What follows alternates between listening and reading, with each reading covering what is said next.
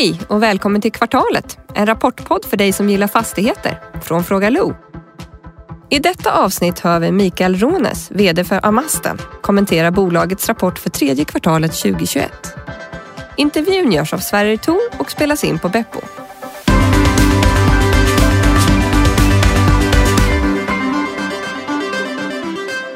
Då säger vi hej och välkomna igen till kvartalet och hej Mikael Rones och välkommen tillbaka. Tack så hemskt mycket Sverre. Alltid mm. trevligt att få vara här. Ja, kul att ha dig och du, du är glad idag så jag antar att du är nöjd med Amastens resultat för tredje kvartalet och hela rapporten. Ja, jag är ständigt glad. Ja, det är min filosofi faktiskt. och jag är ganska nöjd, mm. men jag är aldrig helt nöjd. Okej, okay, okej.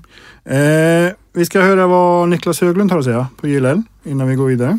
Ja, intressant. Ja, då var det dags för snabbanalysen av Amastens tredje kvartal. Och eh, förvaltningsresultatet är fortsatt starkt och det här kvartalet har man inte påverkats negativt av omstruktureringskostnader som man gjorde i andra kvartalet. Eh, och vi ser dessutom en, en ordentlig förbättring av eh, hyrestillväxten i jämförbara enheter. Nu pratar man om 12 procent jämfört med 6 procent för första halvåret. Så man går ifrån starkt till starkare när det gäller hyrestillväxt.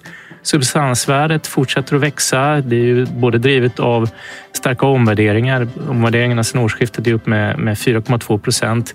Men substanstillväxten växer med hela 13 procent. Så det är kassaflöde och hävstång som, som förklarar det. Eh, en annan sak som sticker ut är intjäningskapaciteten, vilket är eh, vad ska man säga, mer indikativt för den framtida intjäningen i bolaget. Och den fortsätter att förbättras med hela 6 procent faktiskt jämfört med andra kvartalet och eh, är är upp med mer än 27 procent sedan årsskiftet om man justerar med fler utstående aktier. Riktigt, riktigt bra jobbat och en viktig förklaring till en stark kursutveckling. Projektportföljen är ju kärnan i bolaget och här pekar man ju på att man har möjlighet att investera 7,4 miljarder för egen förvaltning varav ungefär 1,1 eh, miljarder i pågående nybyggnation. Det är lite oklart hur mycket som återstår i den pågående produktionen men det är en avsevärd tillväxt eh, och visibilitet i tillväxten från dagens dryga 12 miljarder i fastighetsvärde. Värderingen har ju ökat, aktien har gått bra. Eh, den värderas idag till ungefär 30 procents premium och det är ju en betydligt bättre än 2% i rabatten som man hade vid årsskiftet och även förra året. Premien har ju dock inte ökat eh, i, jämfört med andra kvartalet utan här är det ju egentligen bara substanstillväxt som har, som har underbyggt eh, den avkastningen. Eh, och värderingen är ju något lägre än sektorsnittet men betydligt lägre än, än jämförbara bostadsrelaterade eh, fastighetsbolag som snarare ligger på ett snitt omkring 50 procent. Visibiliteten för, för tillväxtresan är ju riktigt bra givet den här projektportföljen och bolaget eh, siktar ju på att få komma till den riktiga Nasdaq-börsen inom sex månader och det öppnar ju för fler institutioner att, att investera. Projekten och värdeskapet potentialen i projektportföljen tillsammans med, med Rickehus-konceptet som, som håller nere kostnaderna är väldigt viktiga drivare framöver.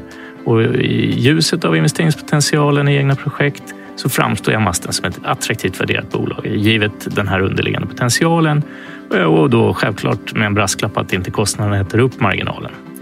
Och projekt, kostnader och starkt kassaflöde blir viktiga faktorer att lyssna på när Sverige intervjuar VD Mikael Rånes. Då tackar vi Niklas. Du är aldrig helt nöjd. Är det något du är missnöjd med? Nej, men jag strävar alltid framåt. Eh, jag är en sån som eh, tittar lite i backspegeln och tittar mest i framrutan. Mm. Eh, och med det sagt så vill jag ju liksom hela tiden framåt, vill utveckla och det är min strävan. Därför så blir jag aldrig riktigt nöjd och jag tycker att det är ett ganska skönt motto. Det är man på främre delen av foten så att säga. Mm. Du tar ju den bilanalogin. Du vet att bil är ju som en, som en tidsmaskin. Nej. Du, du reser ju alltid i tiden när du reser i bil. Du lämnar det för ja, ja, ja, ja, ja, det har du rätt framtiden. Ja, den var bra. Eller hur? Eller hur? Hörru, du, det är några saker som jag har uh, hajat till på när jag läste rapporten. Mm. Uh, en är ju tillväxten. Det har ju blivit någon form av paradgren i den här branschen att överträffa tillväxtmål. Ni ska ju vara 20 miljarder om uh, tre, två, år. tre år. Mm. Precis, två och ett halvt. Eh, ni är ju fyra miljarder större nu än vad ni var i årsskiftet. Ungefär. Eh, det känns ju som att det här målet är för lågt satt. Vad säger du då?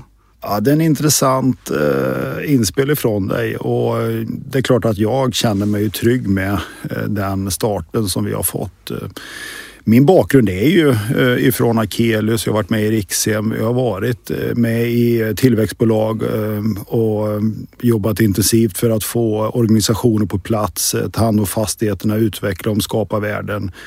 Och det är ju det jag fortsätter med nu i Amasten, att bygga ett bra team, att ta hand om fastigheterna, värdeskapa, men även också nogsamt förvärva. Mm, mm. Och ni har ju förvärvat mycket under mm. året, eh, vilket du lyfter.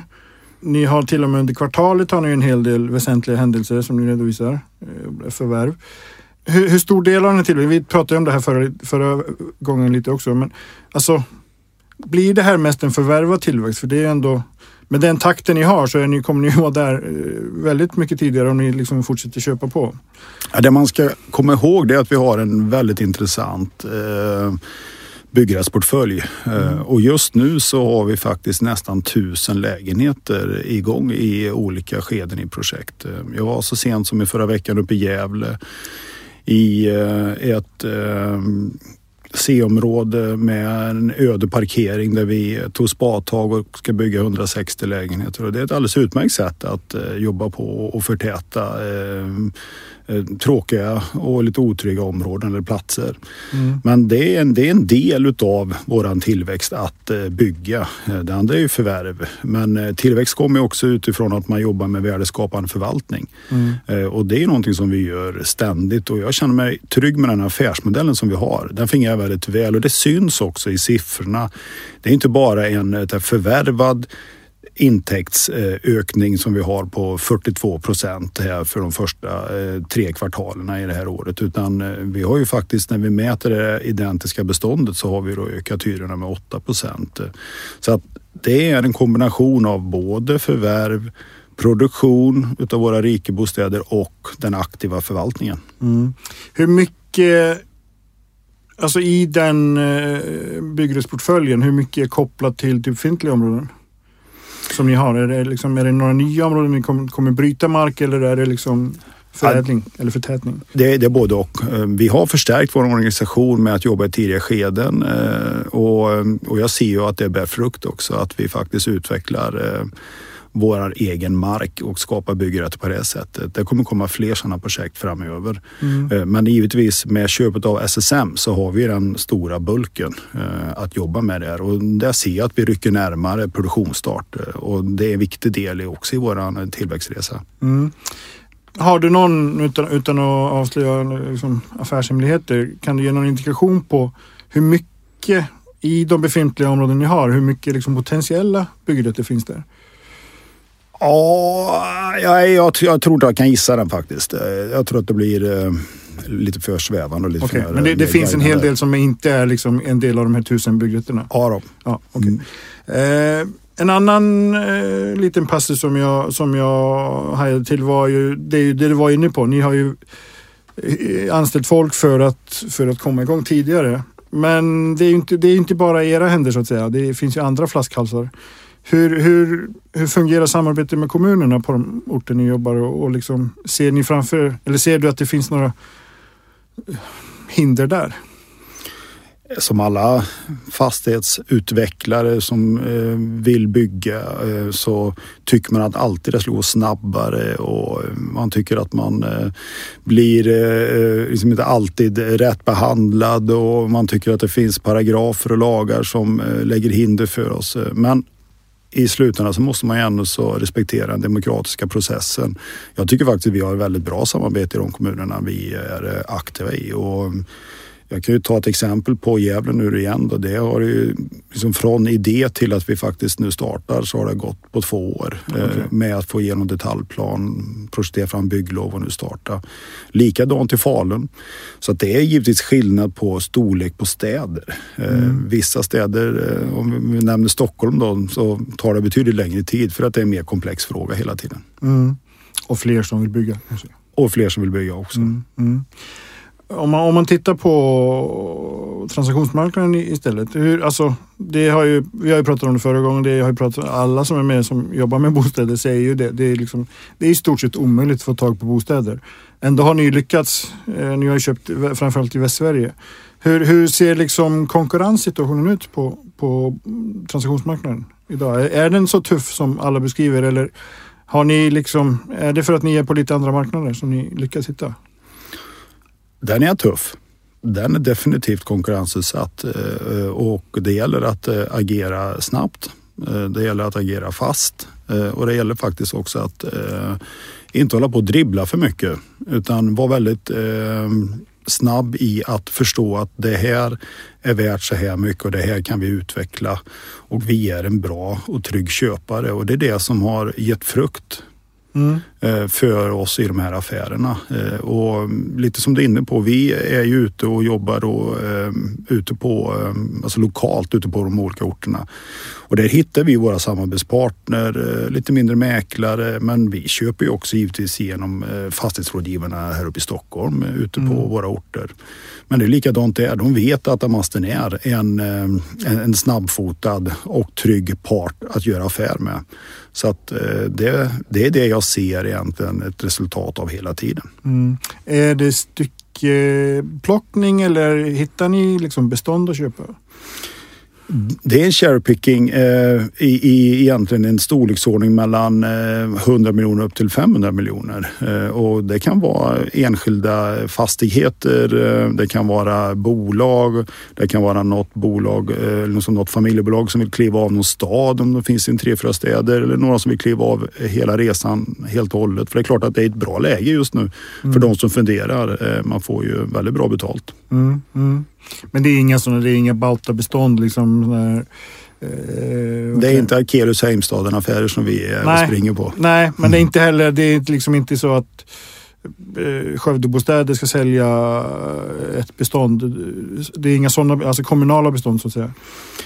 Det tycker vi skulle varit jätteintressant att titta på. Det mm. kommer vi definitivt eh, vara med och kika på. Vi har ju varit med under det året och tittat eh, och eh, även försökt att liksom slåss oss fram. Men det, är, eh, det, det, blir alldeles, alldeles för eh, höga priser helt enkelt och för låga gilder och då tycker vi att det är bättre att släppa den marknaden och, och jobba och fokusera på mellanstora svenska städer, 50 till 100 000. Mm.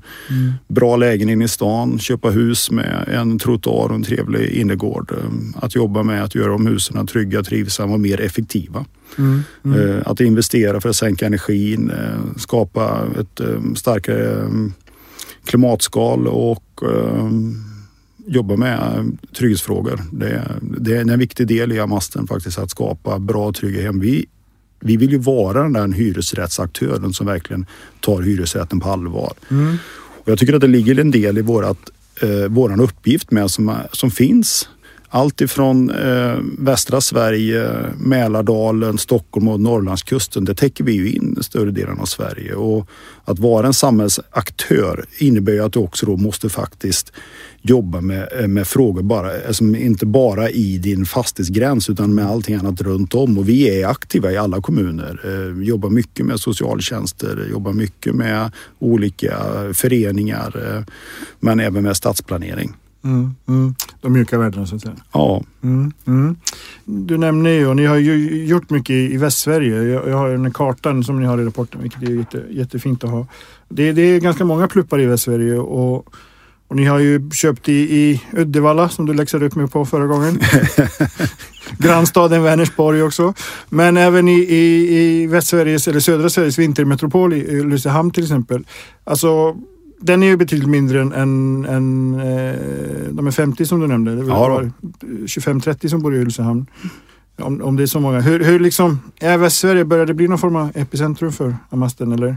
Ja, jag ser framför mig att vi ska fortsätta växa eh, mm. i ett Västsverige. Det är ju en jättebra stabil marknad och just de orterna du nämner. Eh, det finns ju många orter som har 50 eh, 000 plus invånare men Ulricehamn specifikt då, som är en mindre ort som ligger med 10 minuters bilväg från Borås eh, på ena sidan, 25 minuters bilväg till Jönköping på andra sidan. En starkt näringsliv, ständigt växande eh, invånarantal. Eh, hög betalningsförmåga. Det byggs i stan och det byggs riktigt fint och det är ganska dyra bostadsrätter som det säljs i staden. Det är en jättefin stad att äga hyresrätter i. Så det, det är en del av en, en större arbets- arbetsmarknadsregion, Sveriges, eller Sveriges näst största egentligen. Ja, ja, verkligen. Och det, så med det sagt så är det inte så att man kan inte sätta en gräns på att staden ska innehålla så här många invånare och sen så köper vi ingenting under utan vi tittar in på varje stad, validerar den och framförallt är husen bra objekt där vi kan verkligen göra någonting fint och bra med dem och bidra till att de faktiskt förstärks och att vi kan sänka energin och jobba med att eh, göra området tryggare. Ja, men då är det en Amasten-affär. Mm, Okej, okej. Eh, jag tänkte vi ska gå lite mer på hårda värden, Mikael. Mm. Eh, och, och du nämnde ju Akelius, Heimstaden här tidigare. Mm. Och, och du har ju varit på Akelius. Alltså den affären, sker, du, du kanske inte ska behöva kommentera den i sig, men, men den affären är ju ändå, den sätter ju någon form av ett, ett riktmärke för, för fastighetsvärdering. Speciellt på bostadsrätter, eller vad säger jag, hyresrätter på bostadsmarknaden. Mm. Eh, för jag noterar att ni har faktiskt en högre direktavkastning i, i snitt i kvartalet än vad ni har på året. Vilket, vilket är lite intressant med tanke på att den, det finns ju fortfarande en, ett tryck på, på, på gilderna. Hur, hur liksom, vad, vad ser du för eff- effekt av den här affären och sen om du liksom på just gilderna i ert bestånd? Ja, Jag känner mig väldigt trygg med det värdet som vi har i eh, våran portfölj. Eh, ungefär 18 000 kronor per kvadrat. Eh, det kan man ju referera till affären då som gjordes eh, mellan eh, Akelius och Heimstaden som jag tror ligger närmare 40 000 kronor per kvadrat. Mm. Eh, Man kan också sätta i eh, relation eh, mycket nyproduktionsprojekt som vi får till oss som finns då i kranskommuner till Stockholm som eh, nu för ett år sedan så var 60 000 kronor per kvadrat eh, en väldigt hög siffra. Nu har man eh, på ett år rört sig över 70 000 och eh, man börjar eh, komma uppåt nästan 80. Mm. Eh, Och att då sitta med en eh, fastighetsportfölj som då är värderad runt 18 000 kronor per kvadratmeter känns eh, väldigt tryggt och jag är helt säker på att det finns eh, stora möjligheter för den att utvecklas framöver. Och det är klart att en del är ju marknaden och den efterfrågan. Och ditt svar är ju att kommer detta påverka oss eh, i ett bostadsmarknaden på våra värden? Ja, det, det tror jag absolut att det kommer göra. Sen om, om det är en eller två procent eller någonting annat. Det är svårt att säga om. Eh, Men det viktiga är att vi jobbar aktivt med våra hus. Det är ju det vi gör och det är det jag, som jag tycker är glädjande när vi ser att vi på de här nio månadersperioden ändå så i det identiska beståndet har ökat hyresintäkterna med 8 procent. Mm. Mm. Det visar att vår affärsmodell fungerar och att vi har också faktiskt sänkt vår energi eh, med 3 procent under de här tre, eller tre kvartalen också. Så att det går hand i hand vårt arbete. Vi gör nytta till samhället eh, men vi gör också nytta till våra aktieägare. Mm. Det var ju lite av ett politikersvar, men om, jag, om jag eh, ställer en följdfråga och, vrider lite på armen på det. Eh, är 18 000 liksom, det finns en uppsida? Ja, Det finns en uppsida. Bra. Men du kan inte kanske säga när, om man säger så. Då. nej det är absolut inte utan det är klart att eh, jag vet, tror på att det kommer eh, mm, ske förändringar till det bättre. Mm. Bra, bra. Eh, en annan sak som jag reagerar på det är att överskottsgraden, den faller ju ganska markant från 63 till 57 jämfört med i fjol. Är det någon specifik förklaring till det? Två specifika förklaringar. Det ena är att vi faktiskt fick eh, vid den här tidpunkten förra året eh, covidstöd. Och det gjorde att vi fick en eh, högre intäkt än eh, normalt. Okej. Och det andra är att vi faktiskt har, precis som alla andra fastbolag, höga elpriser. Mm. Eh, nu är vi ju lyckligt lottade att vi inte finns i allra södraste Sverige. Utan, men det, det påverkar oss rejält ändå att ha priser där vi ser på 70-80 öre per kilowatt mot eh, 20 som vi hade vid den här tidpunkten förra året. Så det är klart att det påverkar oss och alla andra bolag. Mm. Ser du framför dig, för det där är ju väldigt intressant, man har ju pratat om materialbrist också, någonting som påverkar många fastighetsbolag idag. Eh, träpriser tidigare, nu, nu är det liksom betong såklart. Mm. Alltså, om man nu lägger till elen, alltså vad kan ni som fastighetsbolag göra för att bli mindre känsliga för det här? Ska ni börja bygga solceller eller lägga solceller på alla tak? All nyproduktion vi gör lägger vi solceller på men vi har också lagt solceller på eh, anläggningar som det fungerar på. Det finns ju en vet beskattning också på elproduktion som, som hämmar detta. Mm. Att om man då åker och producerar mer än vad huset gör av med, då får man skatta för det som går iväg till någon annans nytta. Eh, Och det gör att man inte kan välja ut alla hus som man skulle önska. Utan då har vi jobbat med en del kommersiella hus som kräver en hel del kyla faktiskt. eh, Där vi har lite ICA-butiker och sånt. Mm. Så att vi har gjort det på både befintliga hus men alla nyproduktioner lägger vi solceller på. Mm. Kan ni, alltså kan branschen, för det är en en ganska inflytelserik bransch. Kan man liksom jobba bättre med det, liksom lobbyverksamheten för att få bort den där skatten? För den, den känns ju, nu är inte jag någon ovän av skatter så, men den känns ju ändå ganska dum. Ja, det blir ju en inlåsningseffekt. Ja. Den hjälper ju inte till eh, att komma med några kloka klimatåtgärder. åtgärder. Mm. Så kan man ju lugnt säga. Mm. Eh, Sen tycker jag också skatt är bra. Det är faktiskt det som har byggt vår välfärd. Ja, ja precis, precis. Men ibland, ibland när, när skatten står i vägen för liksom det som Mm. man... Det, Det, Målet. Ja, Mm. då, då blir det konstigt. Räntetäckningsgraden är också en sak jag har uh, hajat till på. Jag, jag är ju sån här, jag är ju lite, har ju fått lite klassisk skolning på det här att det är ju ett, ett nyckeltal som jag lägger väldigt stor vikt vid när jag tittar på, på rapporter och i ett lågränteläge då bör ju räntetäckningsgraden vara ganska hög. Eh, Jag, jag tycker 2,7 som den är på nio månader, den är ju högre på kvartalet. Mm. Men, men hur, hur ser du på den? Hur, har ni gjort någon känslighetsanalys? Liksom, vad, vad ni tål för ränteuppgång? Men vi känner oss väldigt nöjda med var vi ligger och vi har ju eh, i de finansiella eh, direktiven så ska vi ligga över en och en halv och vi ligger ju nästan bara dubbla. Mm. Så att eh, det är ingenting som jag lägger någon vikt vid. Jag däremot ser att vi kämpar med att få upp våran belåningsgrad Mm. å andra sidan. Men Få upp den. få upp den. Ja. För vi ligger på 52 procent nu och det är så att våra värden med vårt arbete som vi gör eh, stiger så pass eh, kraftigt så att vi har svårt att eh, liksom hinna med och refinansiera för att få upp vår belåningsgrad. Mm. Och det är givetvis ett arbete som vi eh, jobbar intensivt med men med det sagt så finns det också fortfarande en hel del torrt krut att gå till banksektorn och eh, kunna finansiera vår tillväxt framåt. Mm. Mm. Så räntetäckningsgraden eh, på 2,7 tycker jag känns helt okej. Okej. Eh, belåningsgraden på 52, var, var, var skulle du vilja ligga? Jag tror runt 60. Som Mm. liksom under tillväxtperioden? Ja, Mm, Okej, okej.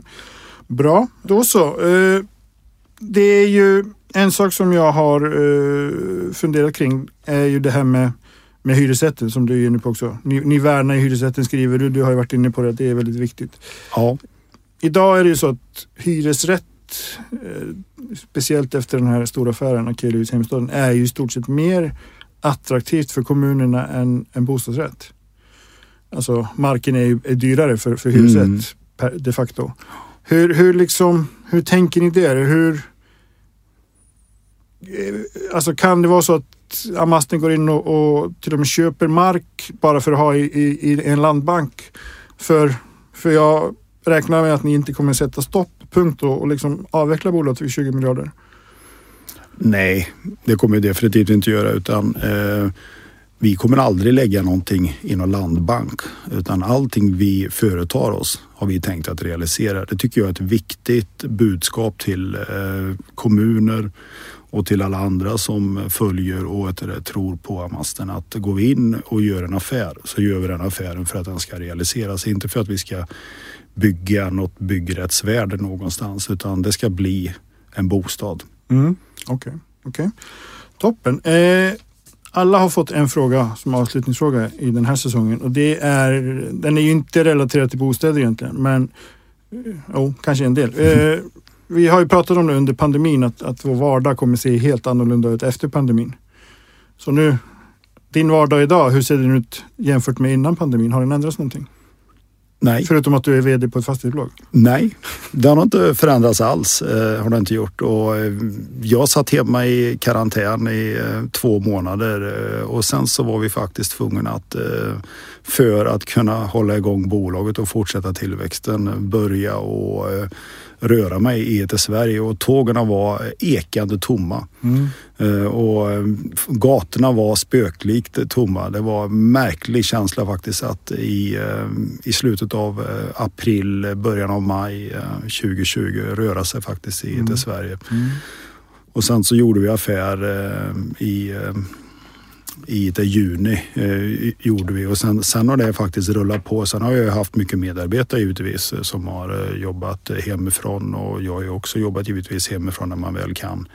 Men att man hela tiden håller sig försiktig mm. och håller sig borta och man har eh, tänkt sig för både två och tre gånger. Eh, och så fort man kände att man eh, ja, inte kände sig helt kry så liksom valde man att stanna hemma. Mm det är ju jätteskönt nu att vi har kommit över den tröskeln och att vi har fått vaccineringen och jag har varit en eh, hård förespråkare för det på eh, faktiskt vår arbetsplats och uppmuntrat alla att verkligen gå och vaccinera sig och göra det gärna på betald arbetstid för att vi måste hjälpas åt att eh, få bukt med det i samhället. Mm, mm. Bra, eh, bara det här med tågen. Jag, jag pendlar ju också från Skåne så jag har lite längre pendlingssträcka än vad du har faktiskt. Mm. Men jag har faktiskt reagerat på att det är färre tåg. Så de är ju verkligen inte tomma längre. Nu är de ju smockfulla. Det är nästan svårt att få tag i tågbiljetter. Håller med och jag är riktigt irriterad på SJ. Så lyssna på SJ här. Sluta upp med det ni håller på med. För det går ju inte ens med årskort att få plats. Jag får sitta i bistron. det är ett, ett bra eh, medskick. Jag håller med och stöttar det. Mm. Tack Mikael. Tack så hemskt mycket. Kul att få vara här. Så här. Ja, kul att ha dig och tack för att ni har lyssnat. Vill du ha koll på de viktigaste trenderna i fastighetsbranschen? Lyssna på vår podcast Fastighetspanelen med Sveriges ledande rådgivare, där poddar finns.